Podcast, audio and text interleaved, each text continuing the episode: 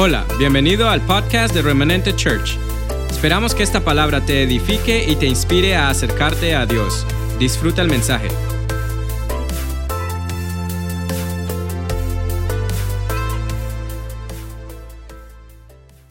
Bueno, amados, ¿preparados para escuchar la palabra?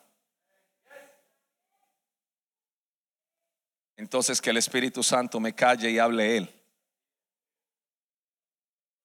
Yabahash beishi soke. Si puede hablar en lengua, hágalo en este momento.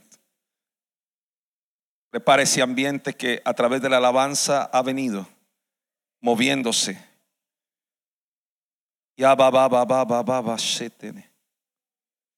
Espíritu de Dios, atmósfera para tu palabra, te lo pido.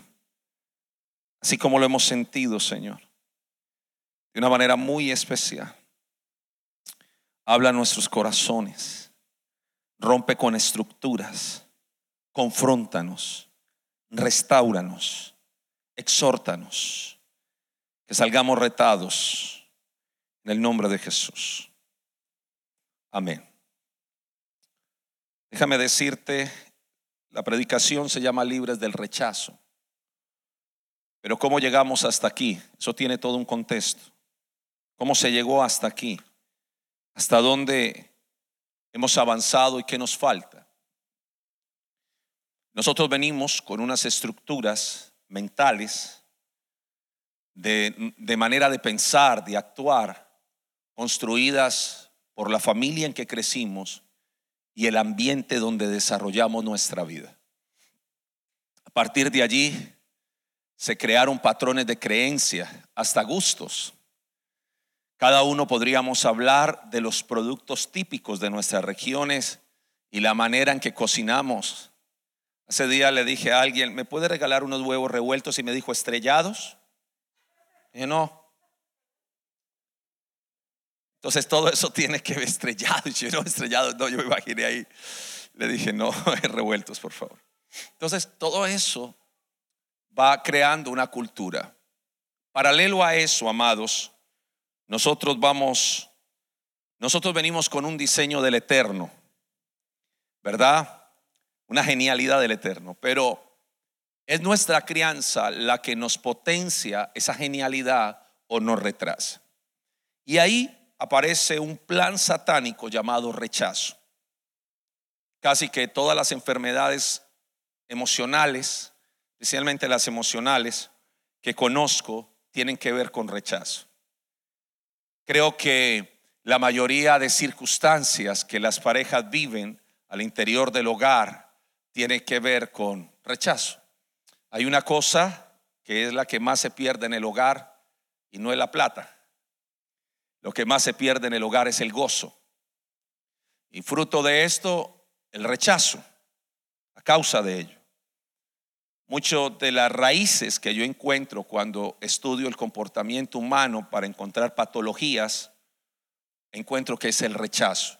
El rechazo es el peor mal que el ser humano tiene que enfrentar. El rechazo es como un paradigma, como una creencia y un estilo de vida.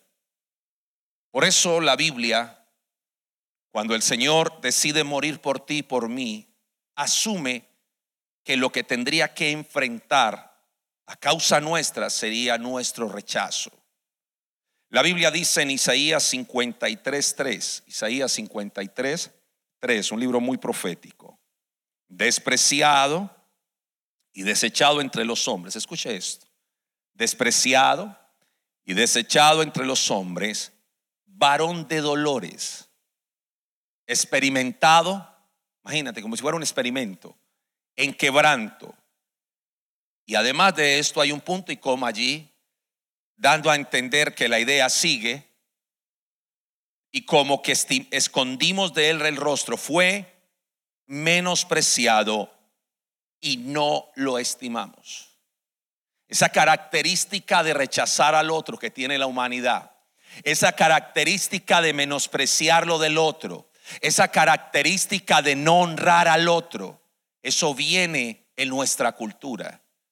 Y es algo que tenemos que romper porque el Señor por eso pagó para que no repitamos esa misma maldición de rechazo. Por eso Él fue despreciado, para que todo tu desprecio lo lleves a Él. Todo lo que te han despreciado. Por eso Él fue desechado. ¿Entiende eso? ¿Entiende que es desechado? ¿Ha tomado usted una toalla, un, un papel, lo ha desechado? Y puedo aumentarle a esto, porque a Jesús se le conoce alrededor del pueblo judío como el leproso, porque dice la Biblia que se hizo una llaga por ti y por mí. Dice que esto fue entre hombres, que fue un varón que experimentó dolores y esto lo experimentó para llevar todo dolor que tú estás llevando. Hay mucho del dolor físico que tiene que ver con el rechazo. La Biblia dice que fue experimentado en quebranto y además escondimos de él nuestro rostro. La Biblia dice que le veríamos inatractivo para que le deseáramos. ¿Sabe cómo lo compara la Biblia? Él dice raíz de tierra seca. Imagínate el contexto de lo que estaban viendo en la cruz. A un ser desfigurado que lo compara con una raíz de tierra seca. Fue menospreciado y no lo estimamos.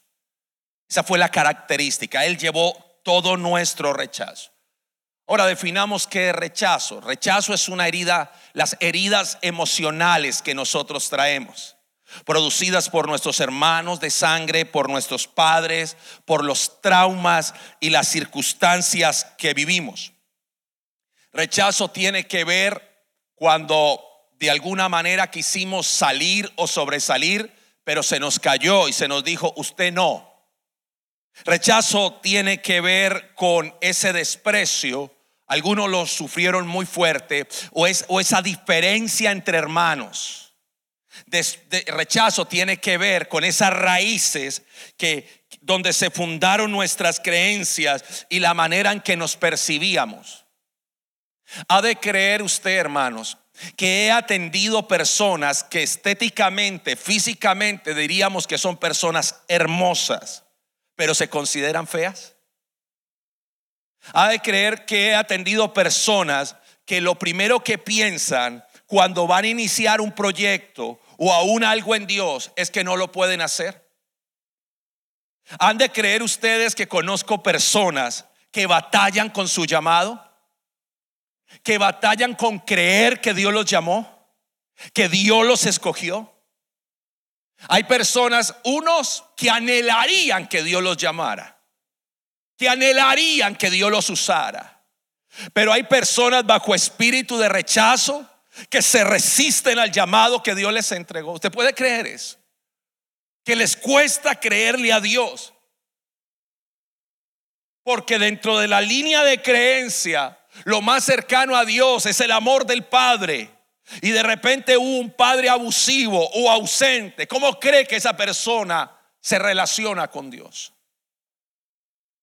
Entonces el rechazo podría decírselo a nivel clínico, pero también a nivel espiritual. El rechazo es la raíz de todas las crisis y de todos los males en el ser humano. El rechazo entonces es una raíz. Dividamos un árbol en tres partes. Está la raíz, está el tronco y están las ramas donde están los frutos. Todo cambio que usted quiera ver a nivel de fruto tiene que hacerlo a nivel de raíz. No puedes cambiar el fruto sin cambiar la raíz. Mira el que está a tu lado y levántale una ceja. Si no levantas una ceja, las dos. Si no si quieres cambiar el fruto, tienes que cambiar la raíz. Si la Biblia dice, si la raíz es santa, lo es las ramas. Pero si la raíz es mala, las ramas también lo serán. Así que mi labor en esta mañana es arrancar una raíz. Es arrancar algo que no me lo ha dejado avanzar. Y viva Jehová en cuya presencia estoy que a eso vine. Vine a arrancarte una raíz. Te va a doler. Vas a sentir como dolor cuando la esté arrancando, pero te va a servir. necesito arrancar eso. Vas a sentir que necesitas ir al baño, vas a sentir, prepárate para eso. Vas a sentir como dolor de cabeza, porque cuando esto empieza a pasar, hay algo, yo todavía no estoy, apenas estamos entrando al tema, pero cuando esté entrando al tema, vas a tener sensaciones extrañas.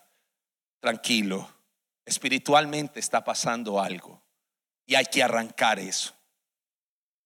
¿Estamos? Hay que arrancarlo. Así que lo primero que uno enfrenta, o lo primero que enfrentamos, fue el rechazo en el vientre. Algunos son fruto de una noche loca, de un desliz, de algo no planeado. Algunos son fruto de unos padres inestables, locos. Algunos son frutos de una borrachera del papá, como le pasó a David. Vamos a ir a la Biblia, a Ezequiel 16.1, y va a notar a usted a una niña buscando a un papá. Los niños buscan su hogar, dice un programa en Colombia, pero aquí es, los niños buscan a papá. Ezequiel 16.1 dice la Biblia, vino palabra del Eterno diciendo, hijo de hombre, notifica a Jerusalén sus abominaciones. Y día se ha dicho el Señor sobre Jerusalén, tu origen, tu nacimiento es de la tierra de Colombia. Tu padre fue hondureño y tu madre salvadoreña. ¡Uh! No, pues tengo que contextualizar lo que quería, que dijera de dónde.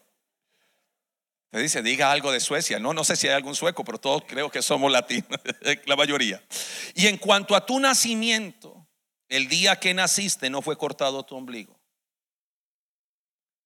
Ni fuiste lavada con aguas para limpiarte, ni salada con sal, porque era una, manera de, limpiar, de desinfectar, ni fuiste envuelta con fajas no hubo ojo que se compadeciese de ti para hacerte de algo esto, teniendo de ti misericordia, sino que fuiste arrojada sobre la faz del campo con menosprecio de tu vida el día que naciste. Váyase allí, ¿qué te han dicho sobre tu nacimiento? Como yo era cachetirrojo, era, yo no sé si todavía lo sea, pero era, los años no pasan solos. Pero en casa somos cinco hermanos y decían que yo era el regalado. Ellos eran crueles. ¿Cómo fue tu nacimiento? Piensa un momento en ello, porque eso determina muchas cosas. De entrada, esta niña, tipifica a Israel, pero voy a dejarlo como mujer, ella no fue deseada, ella no fue planeada. Ella no fue fruto de que, ok, vamos a orar y esta noche vas a quedar en embarazo. No, no, no. Ella fue fruto tal vez de algo fortuito. Por eso le preguntaba, ¿usted es fruto de qué? Además de esto, cuando nace, no hay aceptación, no hay valor, no hay recursos. Es algo abortivo porque la tiran al campo. Y yo pasé junto a ti, versículo 6, y te vi sucia en tus sangres cuando estaba en tus sangres y te dije, vive. Sí, te dije, perdón, es que tiene signo de admiración. Y cuando estabas en tu sangre te dije, ¿cómo dice ahí? Sí, ¿cómo no? Te hice multiplicar como la hierba del campo, creciste y te hiciste grande. Sea, todo un contexto diferente y llegaste a ser muy hermosa. Tus pechos no eran prótesis, eh, se habían formado. Y tu, y tu pelo había crecido. Wow. Señor, ayúdame, Padre. Y ahora estaba desnuda ¿ah? y descubierta. Y yo pasé otra vez junto a ti, era como tiempos, por tiempos venía, ¿verdad? Y te miré aquí tu tiempo era tiempo de amores. Extendí mi manto sobre ti, cubrí tu desnudez. Te di juramento y entré en pacto contigo, dice el Señor, y fuiste mía. Te lavé con agua, lavé tus sangres de encima de ti, te ungí con aceite, te vestí de bordado. Ponga la marca de ropa que quiera ahí. Te calcé de tejón, ponga la marca de calzado, y te ceñí de lino y te cubrí de seda te había de adornos, nada parecido a su inicio. Y puse brazaletes en tus brazos y collar en tu cuello. Puse joyas en tu nariz, un piercing para que entienda, y zarcillos en tus orejas. y una hermosa diadema en tu cabeza. La vieja quedó regia. Y fuiste adornada con oro y plata. Oh, aleluya, a todas las mujeres les gusta eso. Y tu vestido era de lino fino, seda y bordado. Gucci. Comiste flor de harina de trigo, miel y aceite. Con de quelos. Y fuiste hermoseada en extremo. Y prosperaste hasta llegar a reinar. ¿Cómo ve todo ahí? Hasta el momento vamos bien. Y salió tu renombre entre las naciones a causa de tu hermosura, porque era perfecta a causa de mi hermosura que yo puse sobre ti, dice el Eterno. Pero confiaste en tu hermosura, mujer, y te prostituiste a causa de tu renombre y derramaste tus fornicaciones a cuantos pasaron, suya eras. Y tomaste tus vestidos y te, te hiciste diversos lugares altos, fornicaste sobre ellos. Cosa semejante nunca había sucedido, ni sucederá jamás tomaste asimismo tus hermosas alhajas de oro y plata que yo te había dado y te hiciste un hombre, te hiciste imagen de hombre. Si usted nota en la historia, todo va bien, todo va bien, todo parece exitoso, ella está casada, ha olvidado sus raíces, lo que pasó, el trauma, la circunstancia. Pero hay algo que la palabra no dice y es que nunca cortó su ombligo la lavó, la vistió, la aseó, pero nunca cortó su ombligo. La raíz está en el cordón umbilical. Las células madres se buscan ahí, ¿verdad, John? Se buscan ahí. Y muchos males podrían ser corregidos a través de ese embrión, de, de ese cordón, de esas células madre. En otras palabras, si queremos hacer un cambio, tenemos que hacerlo de porque ella vende todo, entrega todo, porque ella tiene una raíz de orfandad grandísima, de tal manera, escucha que es muy importante esto, de tal manera que ella necesita hacerse un hombre. ¿Sí vio lo que hizo? No hizo un becerro, no, no, no hizo otra cosa que hacer un hombre. Exacto. Hizo un hombre. ¿Y qué necesita a la luz de la palabra esta mujer. En todo el proceso del capítulo, Dios al final le dice, sabes, tú vas a que estás en vergüenza, estás muy expuesta, yo te voy a restaurar. Es una palabra tremenda. Al final de ese capítulo, si lo pudieran leer, es impresionante. Pero me quedo con esto. Esta niña estaba buscando a un papá. Por eso se entregaba a uno y otro y otro hombre. Porque quien afirma, ojo, quien afirma el amor en la casa es el padre. Y si usted como papá no es capaz de decirle a esa niña que lo ama, cualquier baboso, no sé cómo se traduzca eso, pero cualquier baboso va a venir a decirle te amo y ella va a correr a eso porque uno corre a su necesidad. Entonces, lo primero es, ah, y esto lo pregunto, si fue deseado en el momento de su concepción, si fue concebido fuera del matrimonio. Tengo varias preguntas que hacerle. Si tu madre intentó abortarte, si fuiste concebido demasiado ah, cerca del hijo anterior y, algunos quedaron como sándwich, donde no importaban.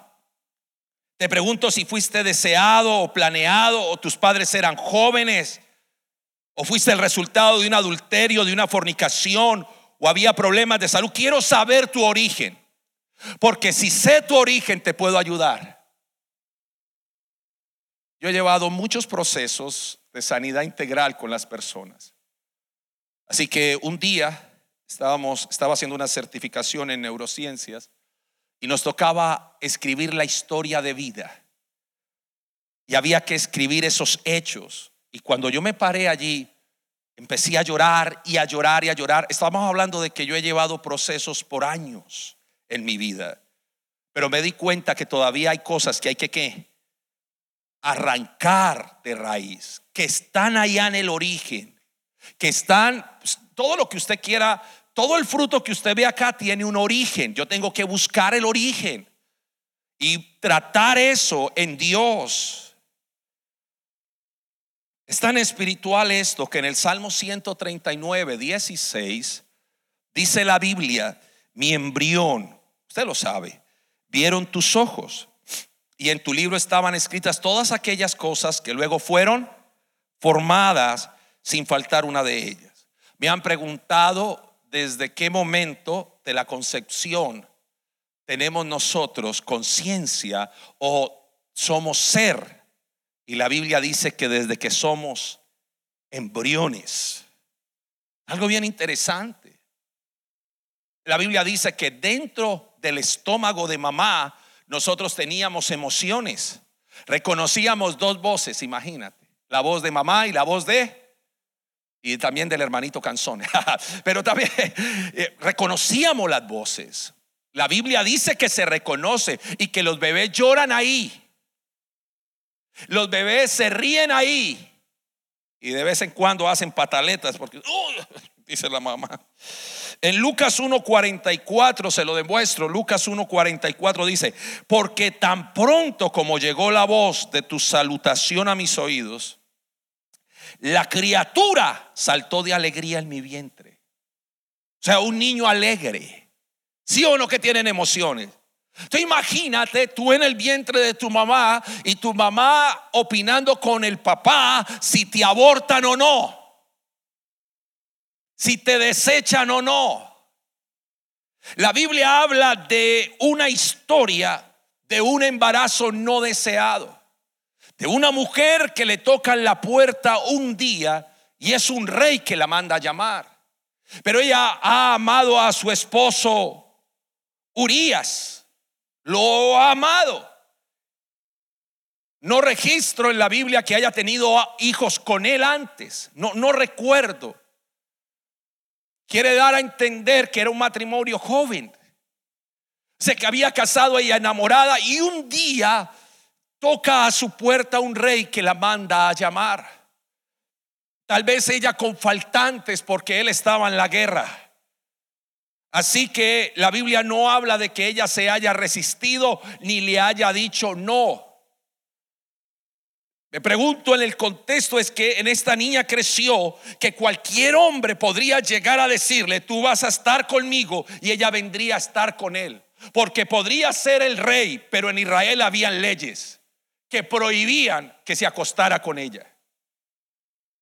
Pero la Biblia dice que ella no se resistió. Y hay mujeres, amados, que ante el abuso y, las raíces que trae, ha pasado por procesos porque no es capaz de decir que no. Y porque el enemigo sabe que una de las maneras en que él puede operar cuando hay rechazo es en algo que se llama admiración. Tu esposo te rechaza, tus hijos te rechazan. Entonces el enemigo viene y trae a alguien que te admire. Tu esposa te rechaza, te recrimina. ¿Sabes qué hace el enemigo? Pone a alguien que te admire. Porque todo ser humano necesita reconocimiento. Todo ser humano necesita de ese abrazo y de que le digan, lo hiciste bien. No nos bajamos muchas veces de aquí y preguntamos, pastor, ¿cómo me fue? pues nadie le va a decir que mal. Pero por lo menos uno necesita que alguien le diga, está bien. Si tienes a tu esposo, a tu esposa a tu lado, dile, está bien. Vamos bien. Mira, a veces necesitamos eso. Me hago entender. Ojo con la admiración, porque el enemigo sabe, sabe de nuestras emociones. Por eso es muy importante el elogio, no la vergüenza. Lo que usted quiere lograr en cambio en su pareja, hágalo a través del elogio. Después le enseño de eso. Lo cierto es que ante esto, ella luego se da cuenta que el amor de su vida, que el amor que, con, la ilusión con que se casó, su amor es asesinado por el hombre que la dejó en embarazo. ¿Sabe cuántas emociones en ese bebé? ¿Sabe cuánto anhelo de tenerlo? Dígame la verdad, ¿anhelaría tenerlo? Vamos a ser sinceros. Porque la Biblia dice, en segundo de Samuel 12:15, y, y es muy claro que lo dice, como lo dice, dice, Jehová lo hirió. Así lo traduce el escritor Él le interpreta a Dios la muerte de este niño, porque siete días, siete, ocho días después, el niño se murió. Pero ¿por qué se muere este bebé? ¿Cuánto rechazo en ese vientre? ¿Cuántas circunstancias? ¿Cuánto contexto? Hay otro bebé que tuvo que sufrir el mismo rechazo, donde secretamente el marido de la mujer dice, aquí no hay más, rompamos, secretamente decide romper el compromiso con ella. Tú sabes de quién te estoy hablando, ¿verdad? Entonces la pregunta es, ¿cómo fue tu nacimiento? Háblame de tu origen.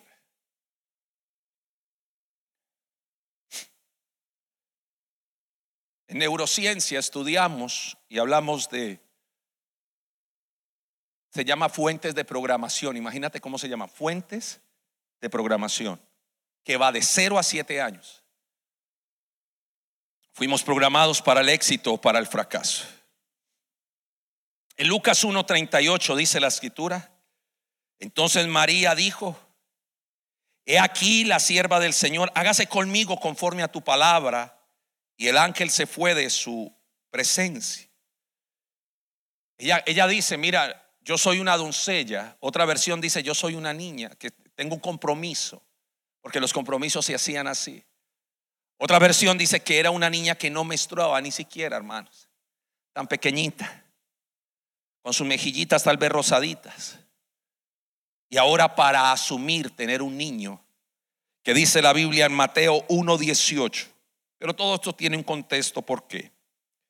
Dice la Biblia, el nacimiento de Jesucristo fue así.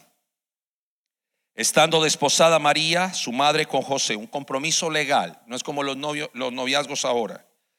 Antes que se juntasen, se halló que había concebido el Espíritu Santo. José, su marido, como era justo y no quiso infamarla, dice esta versión, sí quiso dejarla secretamente, romper el compromiso secreto.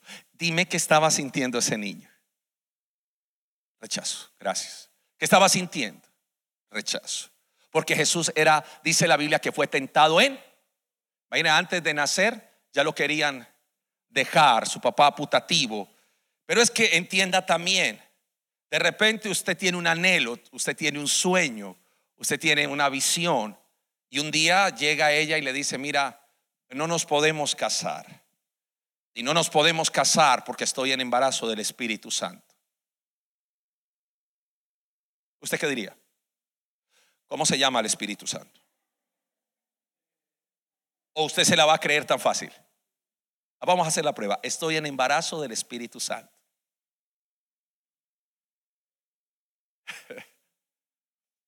Entonces, todo este rechazo, entonces nace el niño. Sus hermanos decían que Jesús estaba loco, que estaba fuera de sí. Hola mi gente. A partir de allí quiero saber su niñez, falta de atención y cuidado de los padres. Algunos con impedimentos físicos, los complejos. Ay, hermano, estas orejas me han traído problemas, pero se escucha bien. En serio, en el fútbol no fui bueno, me decían vaca. O sea, ¿cuántos ¿Cuál era su, cuál era su seudónimo? ¿Cuál era su apodo? Dígame la verdad, ¿cuál era su apodo? ¿Ah? Había un amigo mío que era chiquitico, le decían mil y pico. Y a partir, ¿cómo le decían a usted? Piense eso. ¿Ah? Había una compañerita mía que le decían bruja. Era bien fea. Todo el bullying que sufrimos nosotros, la falta de interés mucho, muchas veces, la falta de amor, caricias, halagos. Y entonces nos encontramos algunos con no ser con no ser lo más representativo de la casa, con no ser lo más elogiado. Dice la Biblia en primer libro de Samuel 16:10, mire este contexto. Esto le pasa a todos, pasa en TNT, pasa aquí también. Dice la Biblia en el primer libro de Samuel 16:10, dice, e hizo pasar Isaí siete hijos suyos delante de Samuel, pero Samuel dijo a Isaí, Jehová no ha elegido a estos Entonces dijo Samuel, Samuel a Isaí, ¿son estos todos tus hijos? Y él respondió, queda uno el menor, el que apacenta las ovejas, el estiercolero. Y dijo Samuel a Isaí, envía por él, porque no nos sentaremos a la mesa hasta que él venga aquí. Usted diría, no, Dios tiene que escoger a Juancho. Juancho no, yo no. Pero es que no sé, ¿quién califica? A ver, cabezón, ¿quién califica? ¿Usted o Dios?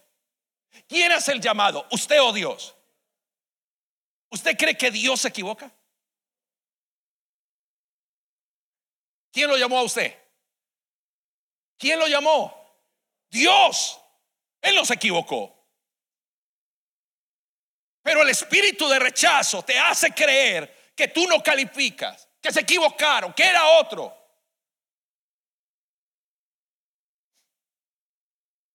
Porque en tu mentalidad está que tú no calificas o que esto es muy grande para ti. Y ahí está este joven.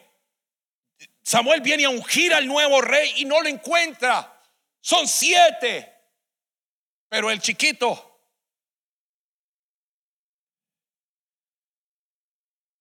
El, tal vez no, el, abortivo.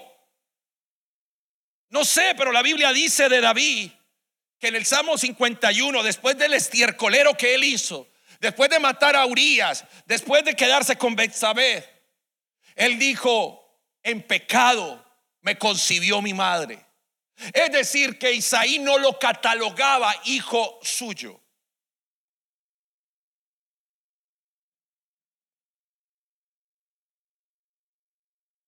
Eso fue lo que me dijo un rabino. Usted verá si lo cree o no. Pero yo pregunté eso a un rabino y esta fue la respuesta. La noche que, que su madre, la madre de David, quedó en embarazo fue así. Su padre esa noche iba a dormir con una concubina.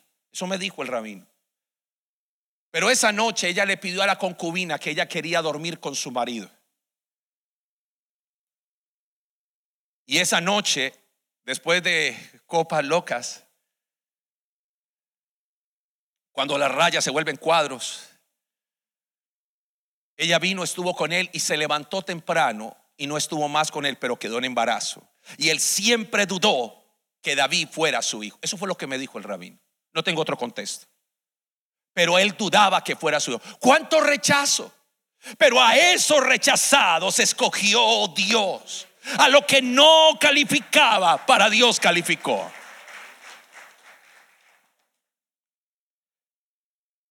Versículo 12 dice, envió pues por él e hizo entrar, y era rubio como el pastor Juan Uribe. Hermoso de ojos y de buen parecer, como Lucas. Uy, hermanito, vamos bien. Entonces Jehová dijo, levántate y úngelo porque este es. En el Salmo 51.5 dice que, dice David, en medio de su crisis, he aquí, el maldad ha sido formado y en pecado me concibió mi madre. Así que con estos prontuarios usted intenta encajar en un grupo y tal vez no es lo más elocuente. Usted sube una foto para que se la comenten y solo se la comenta a su madre.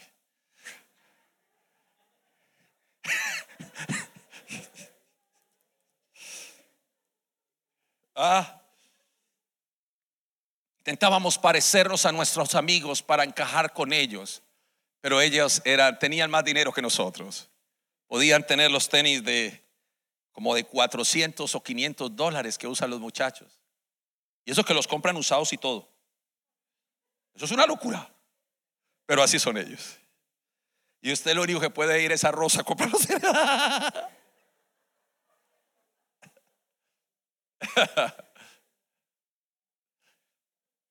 Una vez tenía unos tenis y yo, yo no sé por qué lo leí. Yo decía, ay, son Lacoste. Y decían la costa.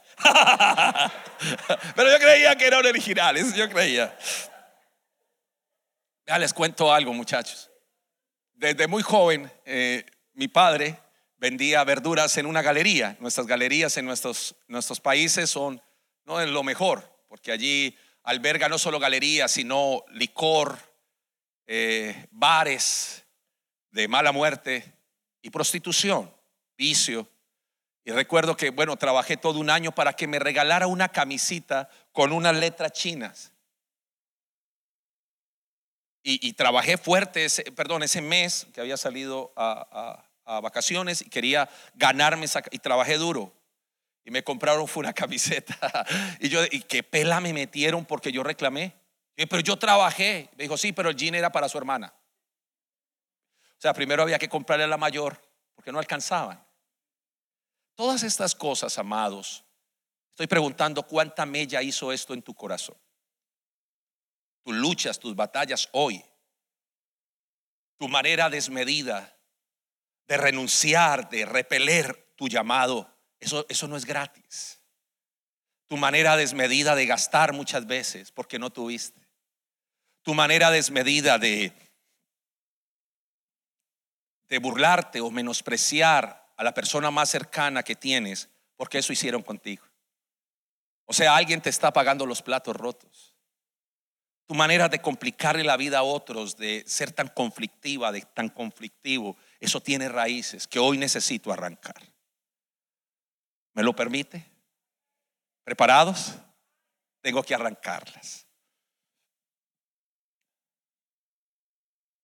Así que la Biblia habla lo que hizo Jesús por ti y por mí. Esto tiene un contexto también. Hebreos 2.17 dice la Biblia, por lo cual debía ser en todo semejante a sus hermanos Wow, con razón lo rechazaron de chinito. Para venir, de chico, perdón. Para venir a ser misericordioso y fiel sumo sacerdote, sacerdote en lo que Dios se refiere, para espiar los pecados del pueblo. Pues en cuanto él mismo padeció siendo tentado, es poderoso para socorrer a los que son tentados. Otro rechazo esto lo hace Jesús contigo. Otro rechazo es el rechazo romántico. No me vuelvo a enamorar. Totalmente, ¿para qué? Si la primera vez que entregué mi corazón, me equivoqué. ¿Cómo le fue en el amor? Mira el que está a su lado. Póngale cara de, de peluche. y dígale, ¿Cómo le va en el amor? ¿Cuál amor? Eso existe. Esta fue la manera en que una joven conoció el amor, un medio hermano. Segundo libro de Samuel 13:14 dice, mas él no quiso oír, sino que pudiendo más que ella, la más grande, la forzó y se acostó con ella.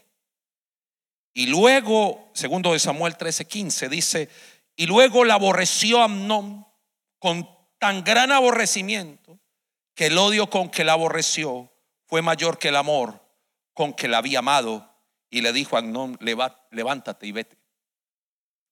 ¿Cómo te ha ido en el amor, varón, mujer? Siempre enamorado de esa chica y ella enamorada de otro. Como le dije yo una vez a una, le dije, te regalo esa luna y dijo, ya me la regalaron. Entonces, ah, atrevida. Ah, no sabe de lo que se perdió. ¿Cómo le iba en el amor?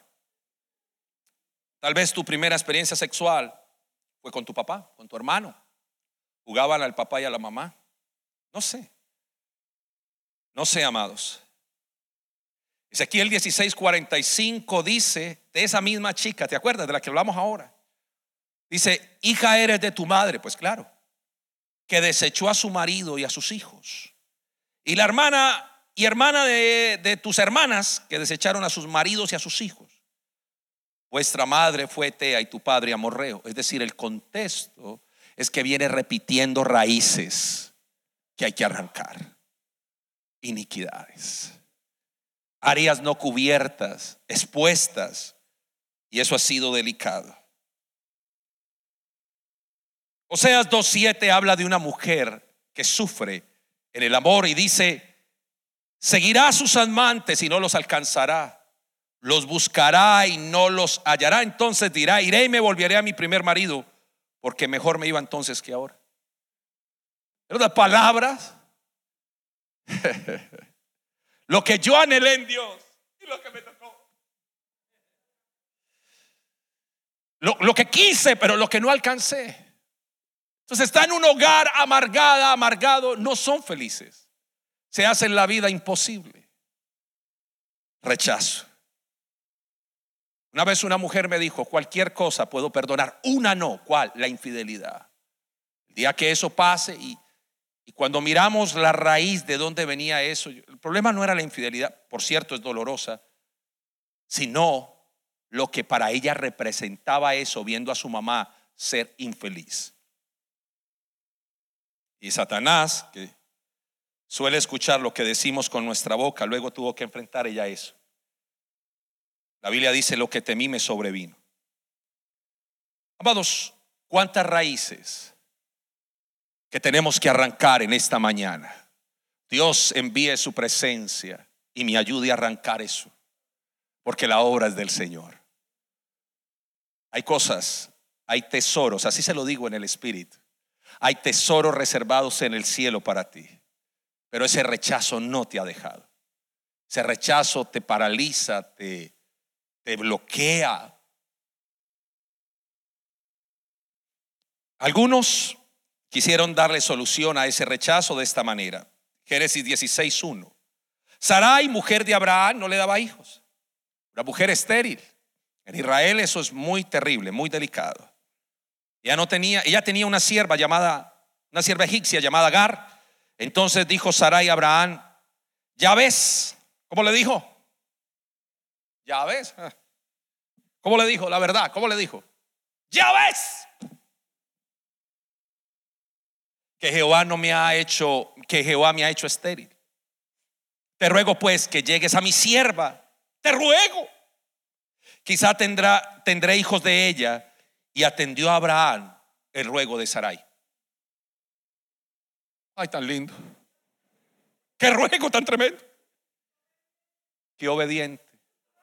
Y los hombres dicen, amén. Acá empieza el problemita, señores. Y Sarai, mujer de Abraham, tomó a Agar, su sierva egipcia, al cabo de diez años que había habitado Abraham en la tierra de Canaán, y la dio por mujer a Abraham, su marido, que le hubiera dejado concubina, pero la dio por mujer, muy, delicado. Y él, y él se llegó a Agar, la cual concibió, y cuando vio que había concebido, miraba con desprecio a su señora.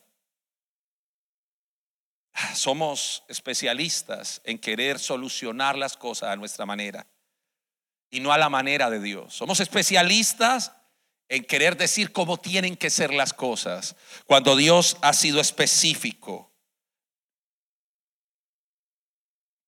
Mira al que está a tu lado y dile, no le cambien los propósitos a Dios. Otra vez, mírelo. Cierto que cuesta mirarlo, porque de pronto lo mira y mismo le levantan, ¿qué, pasó? no le cambie los, propósitos a Dios. Como le dije a una mujer estos días, en todo lo que usted me ha dicho, en esa ecuación no está Dios. Ella me dio un argumento, mira, y para mí es esto, y esto es lo que sucede, y esto es lo que pasa. Entonces a mí me parece que es raíz cuadrada. Sacó el cálculo y dijo, ya, esto es. Y le dije, lo único que tienes ahí es que eso no te lo respalda Dios. Y ninguna mujer dice amén. Tan lindas. Entonces, versículo 5, cuando Sarai dijo a Abraham, mi afrenta, entonces Sarai dijo a Abraham, mi afrenta sea sobre ti. ¿Eh? ¿Quién dijo que se casa? ¿Cómo que? Porque usualmente eso hacemos cuando hay rechazo. ¿A quién le echamos la culpa? Al próximo. No al prójimo, sino al próximo. O sea, al más cercano. Le dijo, mi afrenta sea sobre ti. Usted es el culpable. Yo te di mi sierva por mujer y viéndose encinta me mira con desprecio. Juzgue Jehová entre tú y yo. Que encarte. Y respondió Abraham a Sara, he aquí tu sierva está en tu mano, haz con ella como bien te parezca. Y como Sarai la afligía, ella huyó de su presencia. Amados, ¿cuánto rechazo has vivido? Es lo que quiero saber. Ese rechazo ese rechazo, ¿sabes cómo te volvió? Agresivo, agresiva.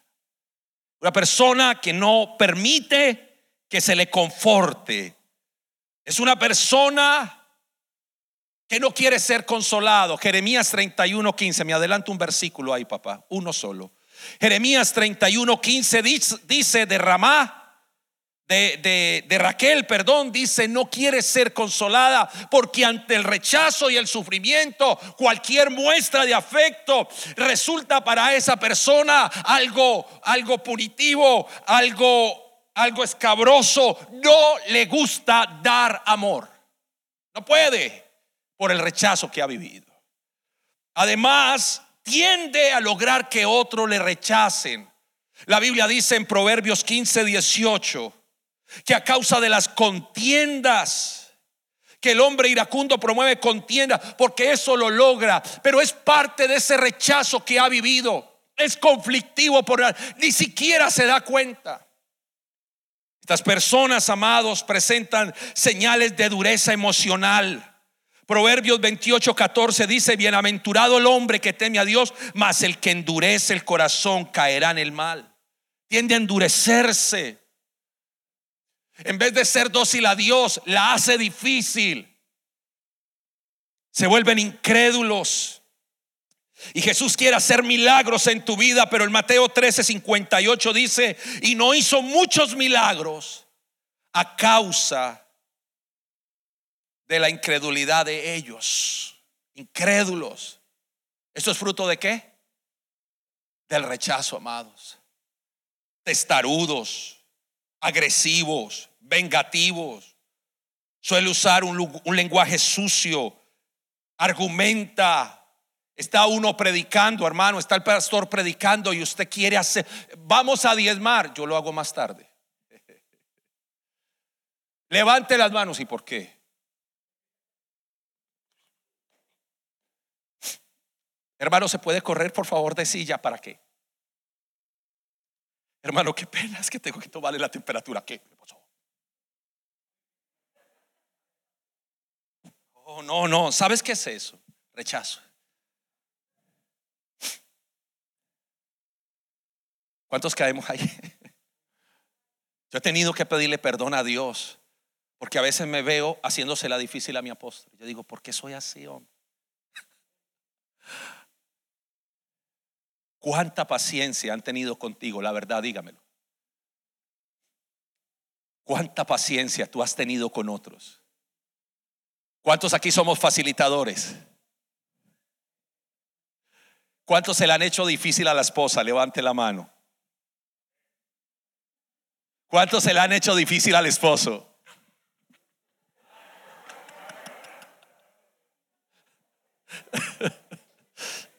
¿Cuándo? ¿Yo? ¿Cuándo?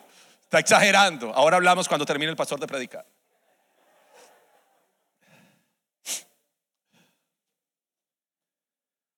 Ay, nos comportamos con necedad. Proverbios 12, 23. Diga la verdad.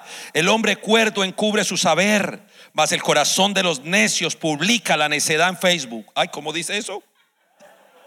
Otra vez, a ver.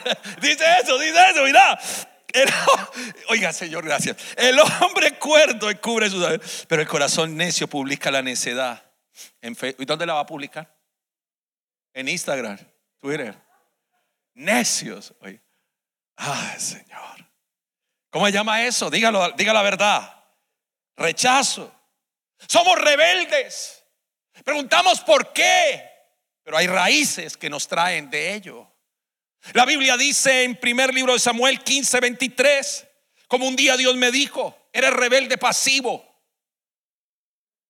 Trabajaba yo para una organización, otra organización, y yo me quería ir para otra ciudad y había una orden por tema de, conflictos armados en Colombia. No nos dejaban ir a esa ciudad y yo me fui, me volé. Cuando llegué a la casa, el pastor estaba en la casa.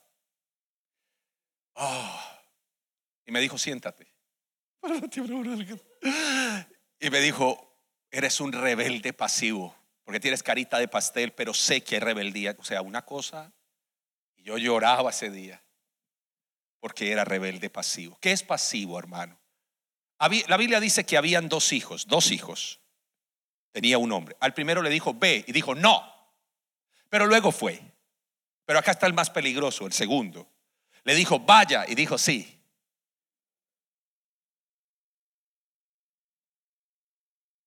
Colombia tenemos un término para eso, pero no lo puedo decir. Rebelde pasivo.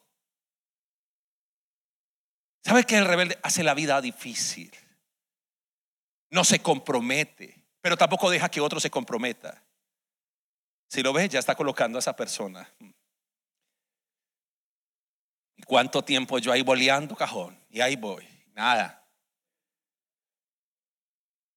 Bueno, quiero que sepas que aquí en la iglesia hay élites y que yo las manejo. No.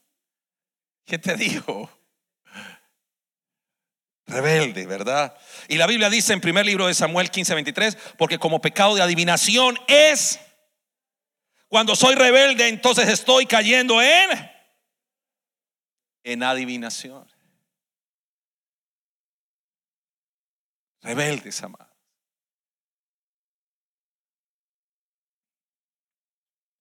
Esta mañana le decía, Señor, ayúdame. Y no por la predicación, porque sé que Dios te está hablando. Yo ya le había dicho que me ayudara para predicar hoy, sino por, por áreas en mi vida que necesito trabajar. Necesito, hay áreas de mi vida. ¿Cuántos necesitan trabajar áreas de su vida? Acá está el otro, el que no es rebelde, sino que tiene rechazo hacia sí mismo. Pobre de mí. Es la víctima. Todos están en mi contra, todos me están mirando. No califico. Se rehúsa su llamado, a su propósito. Tiene las excusas perfectas para no aceptar el llamado. Los Moisés. Creo que te equivocaste. Llama al otro. O revuelca que está a tu lado y dígale, es contigo. Vamos, dígaselo, es contigo.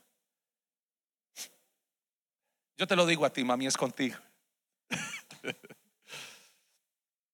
Entonces la baja autoestima. Algunos, este es el salmo favorito de ellos, Salmo 22, 6. Así oran a Dios. Salmo 22, 6 dicen, yo soy gusano, Señor. Y no, hombre, soy el oprobio de la iglesia remanente. Menospreciado del pueblo. Así se ven. Algunos se tratan como Dios nunca los trataría. Algunos se descalifican como si Dios estuviera con un rejo, decimos en Colombia, con un juguete. No te descalifiques, porque tú valiste mucho para Dios. Tu vida es de Él. Tienes complejos de inseguridad, te sientes inadecuada, te pones una, no, pero esta no será, pero y llega a la iglesia y si la miran, oh, ahí murió. Dice, ay, me están mirando los tacones, ay. Bueno, eso es en la iglesia allá en Colombia. Aquí no, aquí todas llegan y... ¡Uh! ¡Uh! Miras el armario lleno y no tienes nada. Eso es ser miserable uno, oiga. Tienes la nevera llena y no te satisface nada. Eso es un espíritu de rechazo. Quieres huir y cuando huyes allí te quieres regresar acá. Eres inestable. ¿Sabes por qué? Por rechazo. No eres feliz ni allá ni acá.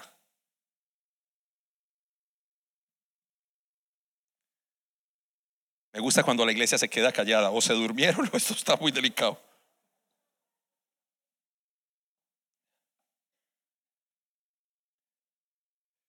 Tienen una tristeza y un luto permanente. ¿Cómo estás? ¿Qué le importa? Se sienten amenazados todo el tiempo. Ponen límites todo el tiempo. Su saludo no es agradable. ¿Cómo está, hermano? Bien. ¿Cómo está? No, a mí no, a mí no, por favor. Y eso no es tema de COVID. Eso es tema de que la persona ha sido así. Una vez yo suelo decirle a todo el mundo mami, papi. Los niños buscan su hogar. Eso es una característica de rechazo que estamos buscando siempre a papá y a mamá. ¿Sabían eso?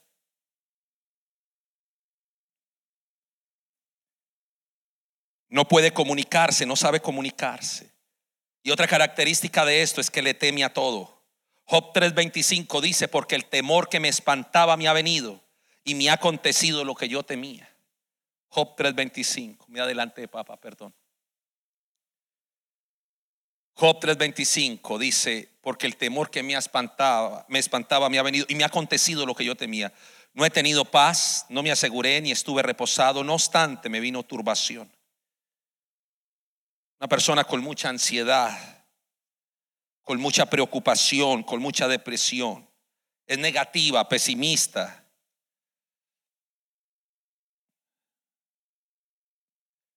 Ya voy a terminar, solo faltan estas dos. Ahí me alcanza.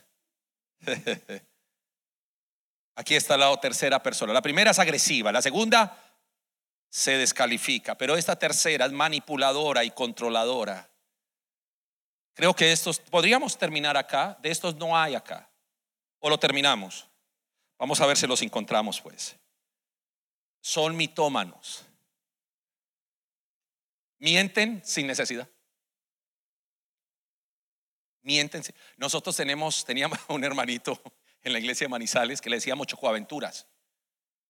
Uno decía, ve y el carro. Ah, no, todo, todo, en todo él había trabajado. Uno le decía, ve, tengo un hermano que trabaja en la policía. Policía, yo fui policía. Bombero, yo fui, o sea, todo.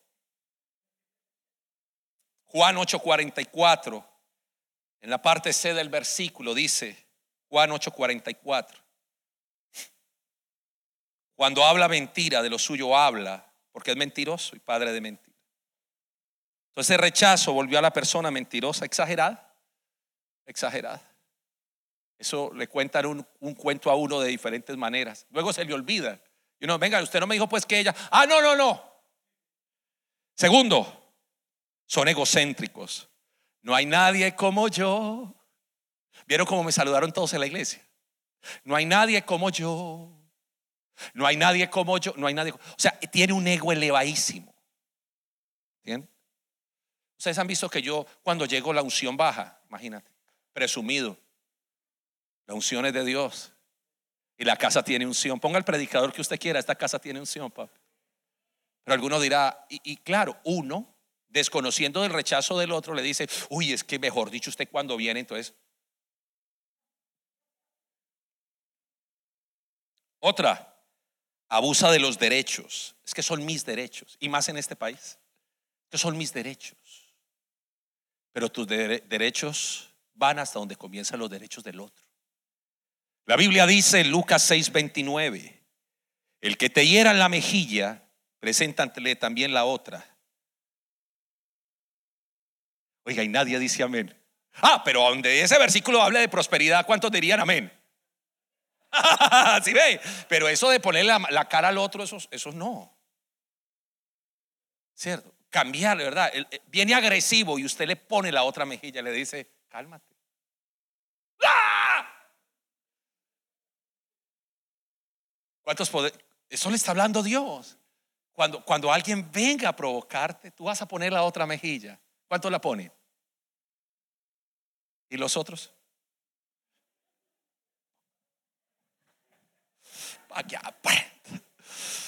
Ah, Jesús. El que te quite la capa, ni aún la túnica la niegues. Oh, y vivir en esta gracia es duro. Entonces, porque cuántos te deben y usted dice, ese tipo yo no le vuelvo. Y el Señor dice, entrégale también la capa. Llévale un desayunito.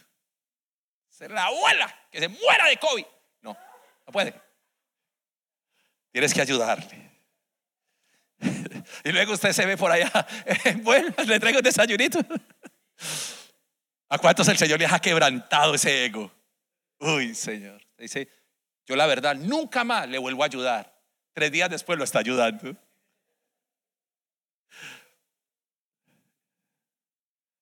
Tiene sentimientos de crítica, juicio, envidia, celo, codicia. Todo esto es rechazo. Celoso, codicioso. Demuestran inmadurez emocional. Voy a poner mi edad. Tiene 40, pero parece 20. Sufre de atacos de pánico y es hipocondriaco. Algunos escapes para terminar, a través del cual usted ha cubierto ese rechazo, inestabilidad espiritual. No, no es capaz de permanecer estable en lo que Dios lo llamó. Se mantiene en unas crisis espirituales tremendas. Dos, inestabilidad emocional. no es capaz de mantener una relación, una pareja. Constantemente está explotando, explotando, explotando, explotando, explotando, explotando, explotando, explotando. Tres, apego emocional. Conoce una persona, usted es mi amigo. Ahí donde saludé a Carlos. Lo cuelgo. Usted es mi amigo. Entonces de repente yo te veo salir con Carlos. Ay, papá. O van y salen con René. ¿Sabe qué? Me voy de la iglesia. Me voy de la iglesia.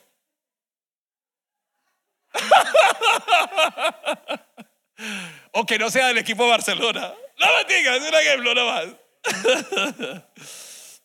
Desórdenes sexuales. Wow. Otra, otro escape, adicción a redes sociales. Pura adicción. Juegos de video en línea. Ya no salen de la casa. Antes porque a uno lo entraban. Éntrese ya. El último gol. Hoy porque no sale. Comida, exceso de comida. Come y come y come. Y luego va al baño a querer vomitar. O come y después dice, ay Dios, perdóname. sí.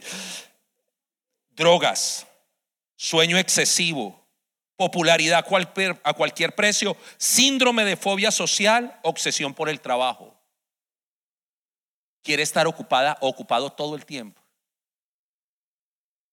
No que no pueda descansar, es que le está huyendo algo. Pregúnteme a mí, ¿qué tenemos que hacer? Pregúnteme. Renunciar a ese rechazo. Salir de eso y decir, no más en mi vida. No más hastiarse de eso y decir no más, eso no es lo que Dios quiere para mí. Vamos a leer tres versículos para orar. Segundo, segundo, segunda carta de Corintios 4:2. Dice la palabra, antes bien, léalo conmigo, por favor. Antes bien, renunciamos al oculto Renunciamos a lo vergonzoso, no andando con astucia, no adulterando la palabra de Dios, sino por la manifestación de la verdad, nos recomendamos a, a, perdón, por la manifestación de la verdad, gracias, más, recomendándonos a toda conciencia humana delante de quién.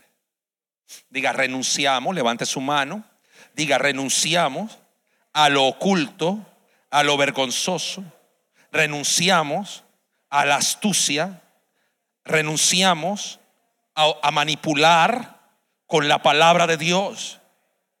¿Cuántos dicen amén? Diga, renunciamos. Ahora, Tito 2.12, Tito 2.12 dice, enseñándonos que, renunciando a qué, y a los deseos, vivamos a este siglo sobria, justa, piadosamente. Luquitas, puedes pasar, papá, por favor, gracias. Lucas 14:33 dice, así que, así pues, o sea, era paisa, cualquiera de vosotros que no renuncie a todo lo que posee, a todo lo que qué. ¿Usted cree que está hablando de plata? No. ¿De qué está hablando? ¿De qué está hablando? Del rechazo. ¿Qué le está pidiendo hoy el Señor? Renuncia a todo lo que posee. A esa manera de hacer las cosas. Eso cuesta. Me acuerdo cuando el apóstol fue a predicar por primera vez a Colombia y él me dijo, tengo que ponerme corbata. Y le dije, sí, Señor. Y no lo dejé subir sin corbata, que pesar mi viejo. Pero así había sido formado, entiéndame. Yo fui así estructurado. O sea, yo predicar en unos jeans, no. Hoy para ponerme estos jeans peleé. Porque el pantalón otro me quedó más grande. Pero si no. Porque son estructuras que nos, nos pusieron en la cabeza, amados. Son cosas, maneras de hacer las cosas que no están bien y creemos que está bien. Hay una mejor manera de hacer un hogar. Hay una mejor manera de ser hijos, de ser padres. Hay una mejor manera de hacer iglesia. ¿Cuántos dicen amén? Pero yo necesito que usted me entregue hoy esa raíz. No se ofenda conmigo. Si yo dije algo hoy que lo ofendió, perdóneme. Pero fue con ganas de Cristo. Era las ganas de que Dios te hablara, que te exhortara, que te animara.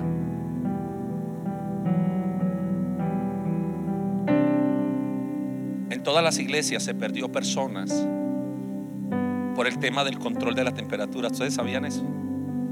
En Pereira perdí, hubo gente que prefirió irse porque creían que eso tenía un láser que les iba a quemar el cerebro. Créame, créame, era una cosa, ajá, pero la gente, hubo, hubo personas que, que se perdieron porque querían abrazar, porque esas personas necesitaban y no se podía. Y se perdieron porque nada más anoche una señora insultaba a nuestra iglesia en un mensaje personal porque ella dice que no la abrazan. Decía, mamita, es que no se puede todavía. Y ella dice, ¿dónde está el amor? O sea, para ella, ella necesitaba una. Yo le dije, yo le lo doy pues, pero amados, necesitamos ser sanados. ¿Cómo veo la iglesia hoy? No, no, no esta iglesia, la iglesia en general. Mucho rechazo. Y yo quiero ver una iglesia libre en el nombre de Jesús. Vamos a colocarnos sobre nuestros pies, por favor. Ok. Usted le va a entregar el rechazo a Dios. ¿Se lo va a entregar? ¿Seguro? ¿Seguro? Diga en el nombre de Jesús.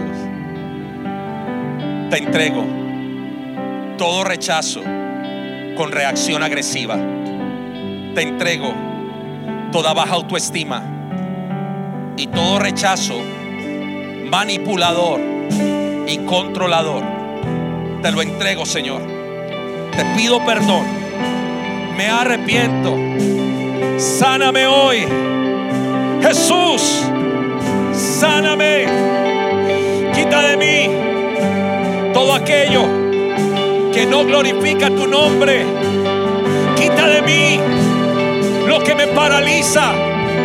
Sana mi vientre. Ponga su mano en su estómago y dígale, Señor, sana mi vientre. Sana mis heridas Jesús, tú fuiste molido, tú fuiste triturado para que yo hoy sea sano de todo rechazo. En el nombre de Jesús, sáname para amar, sáname para dar, sáname para servir, sáname Dios.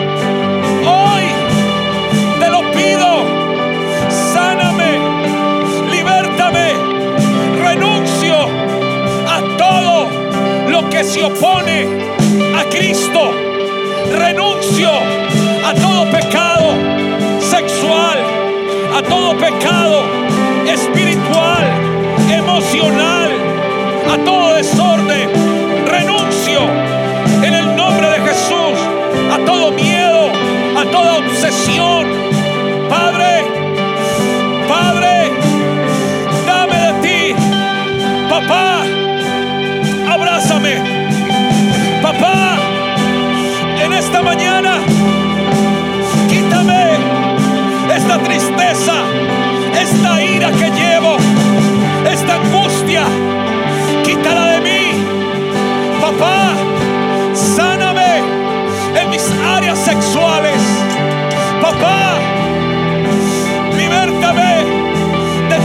Apego emocional.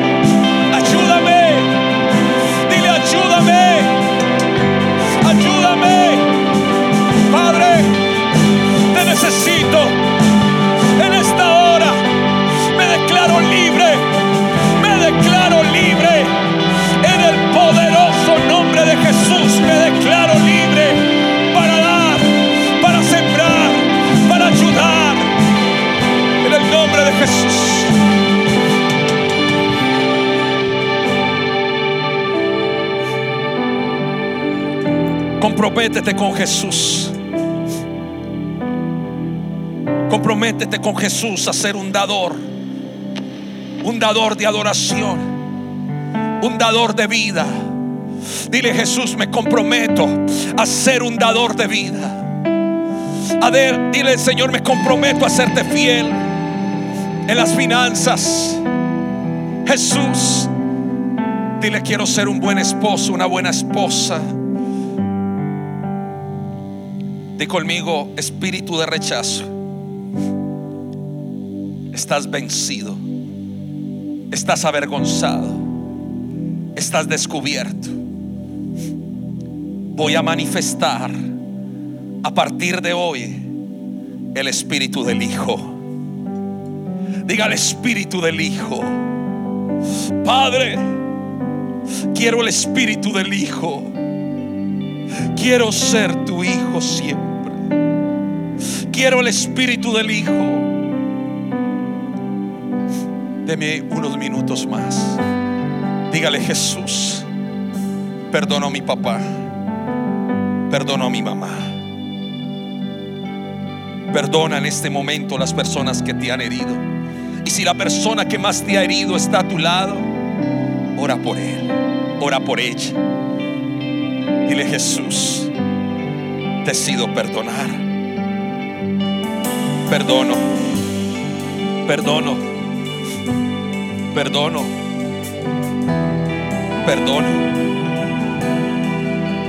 Oh Espíritu Santo, trae sanidad a la casa.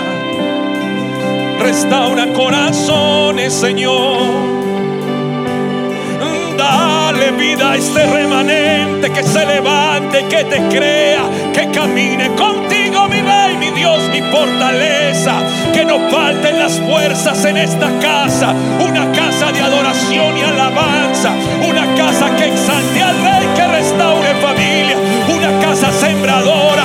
Una casa con visión. Una casa con promesa. Una casa que mira más allá del dolor, la sanidad, la fortaleza. Una casa que se levanta para proclamar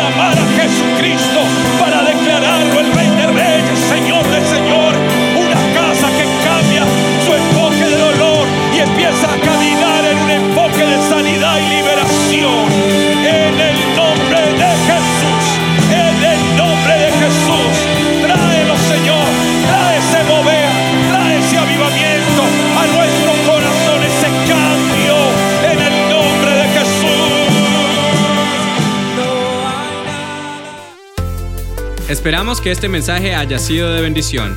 No te olvides de suscribirte a nuestro podcast y seguirnos en Facebook e Instagram arroba remanente church.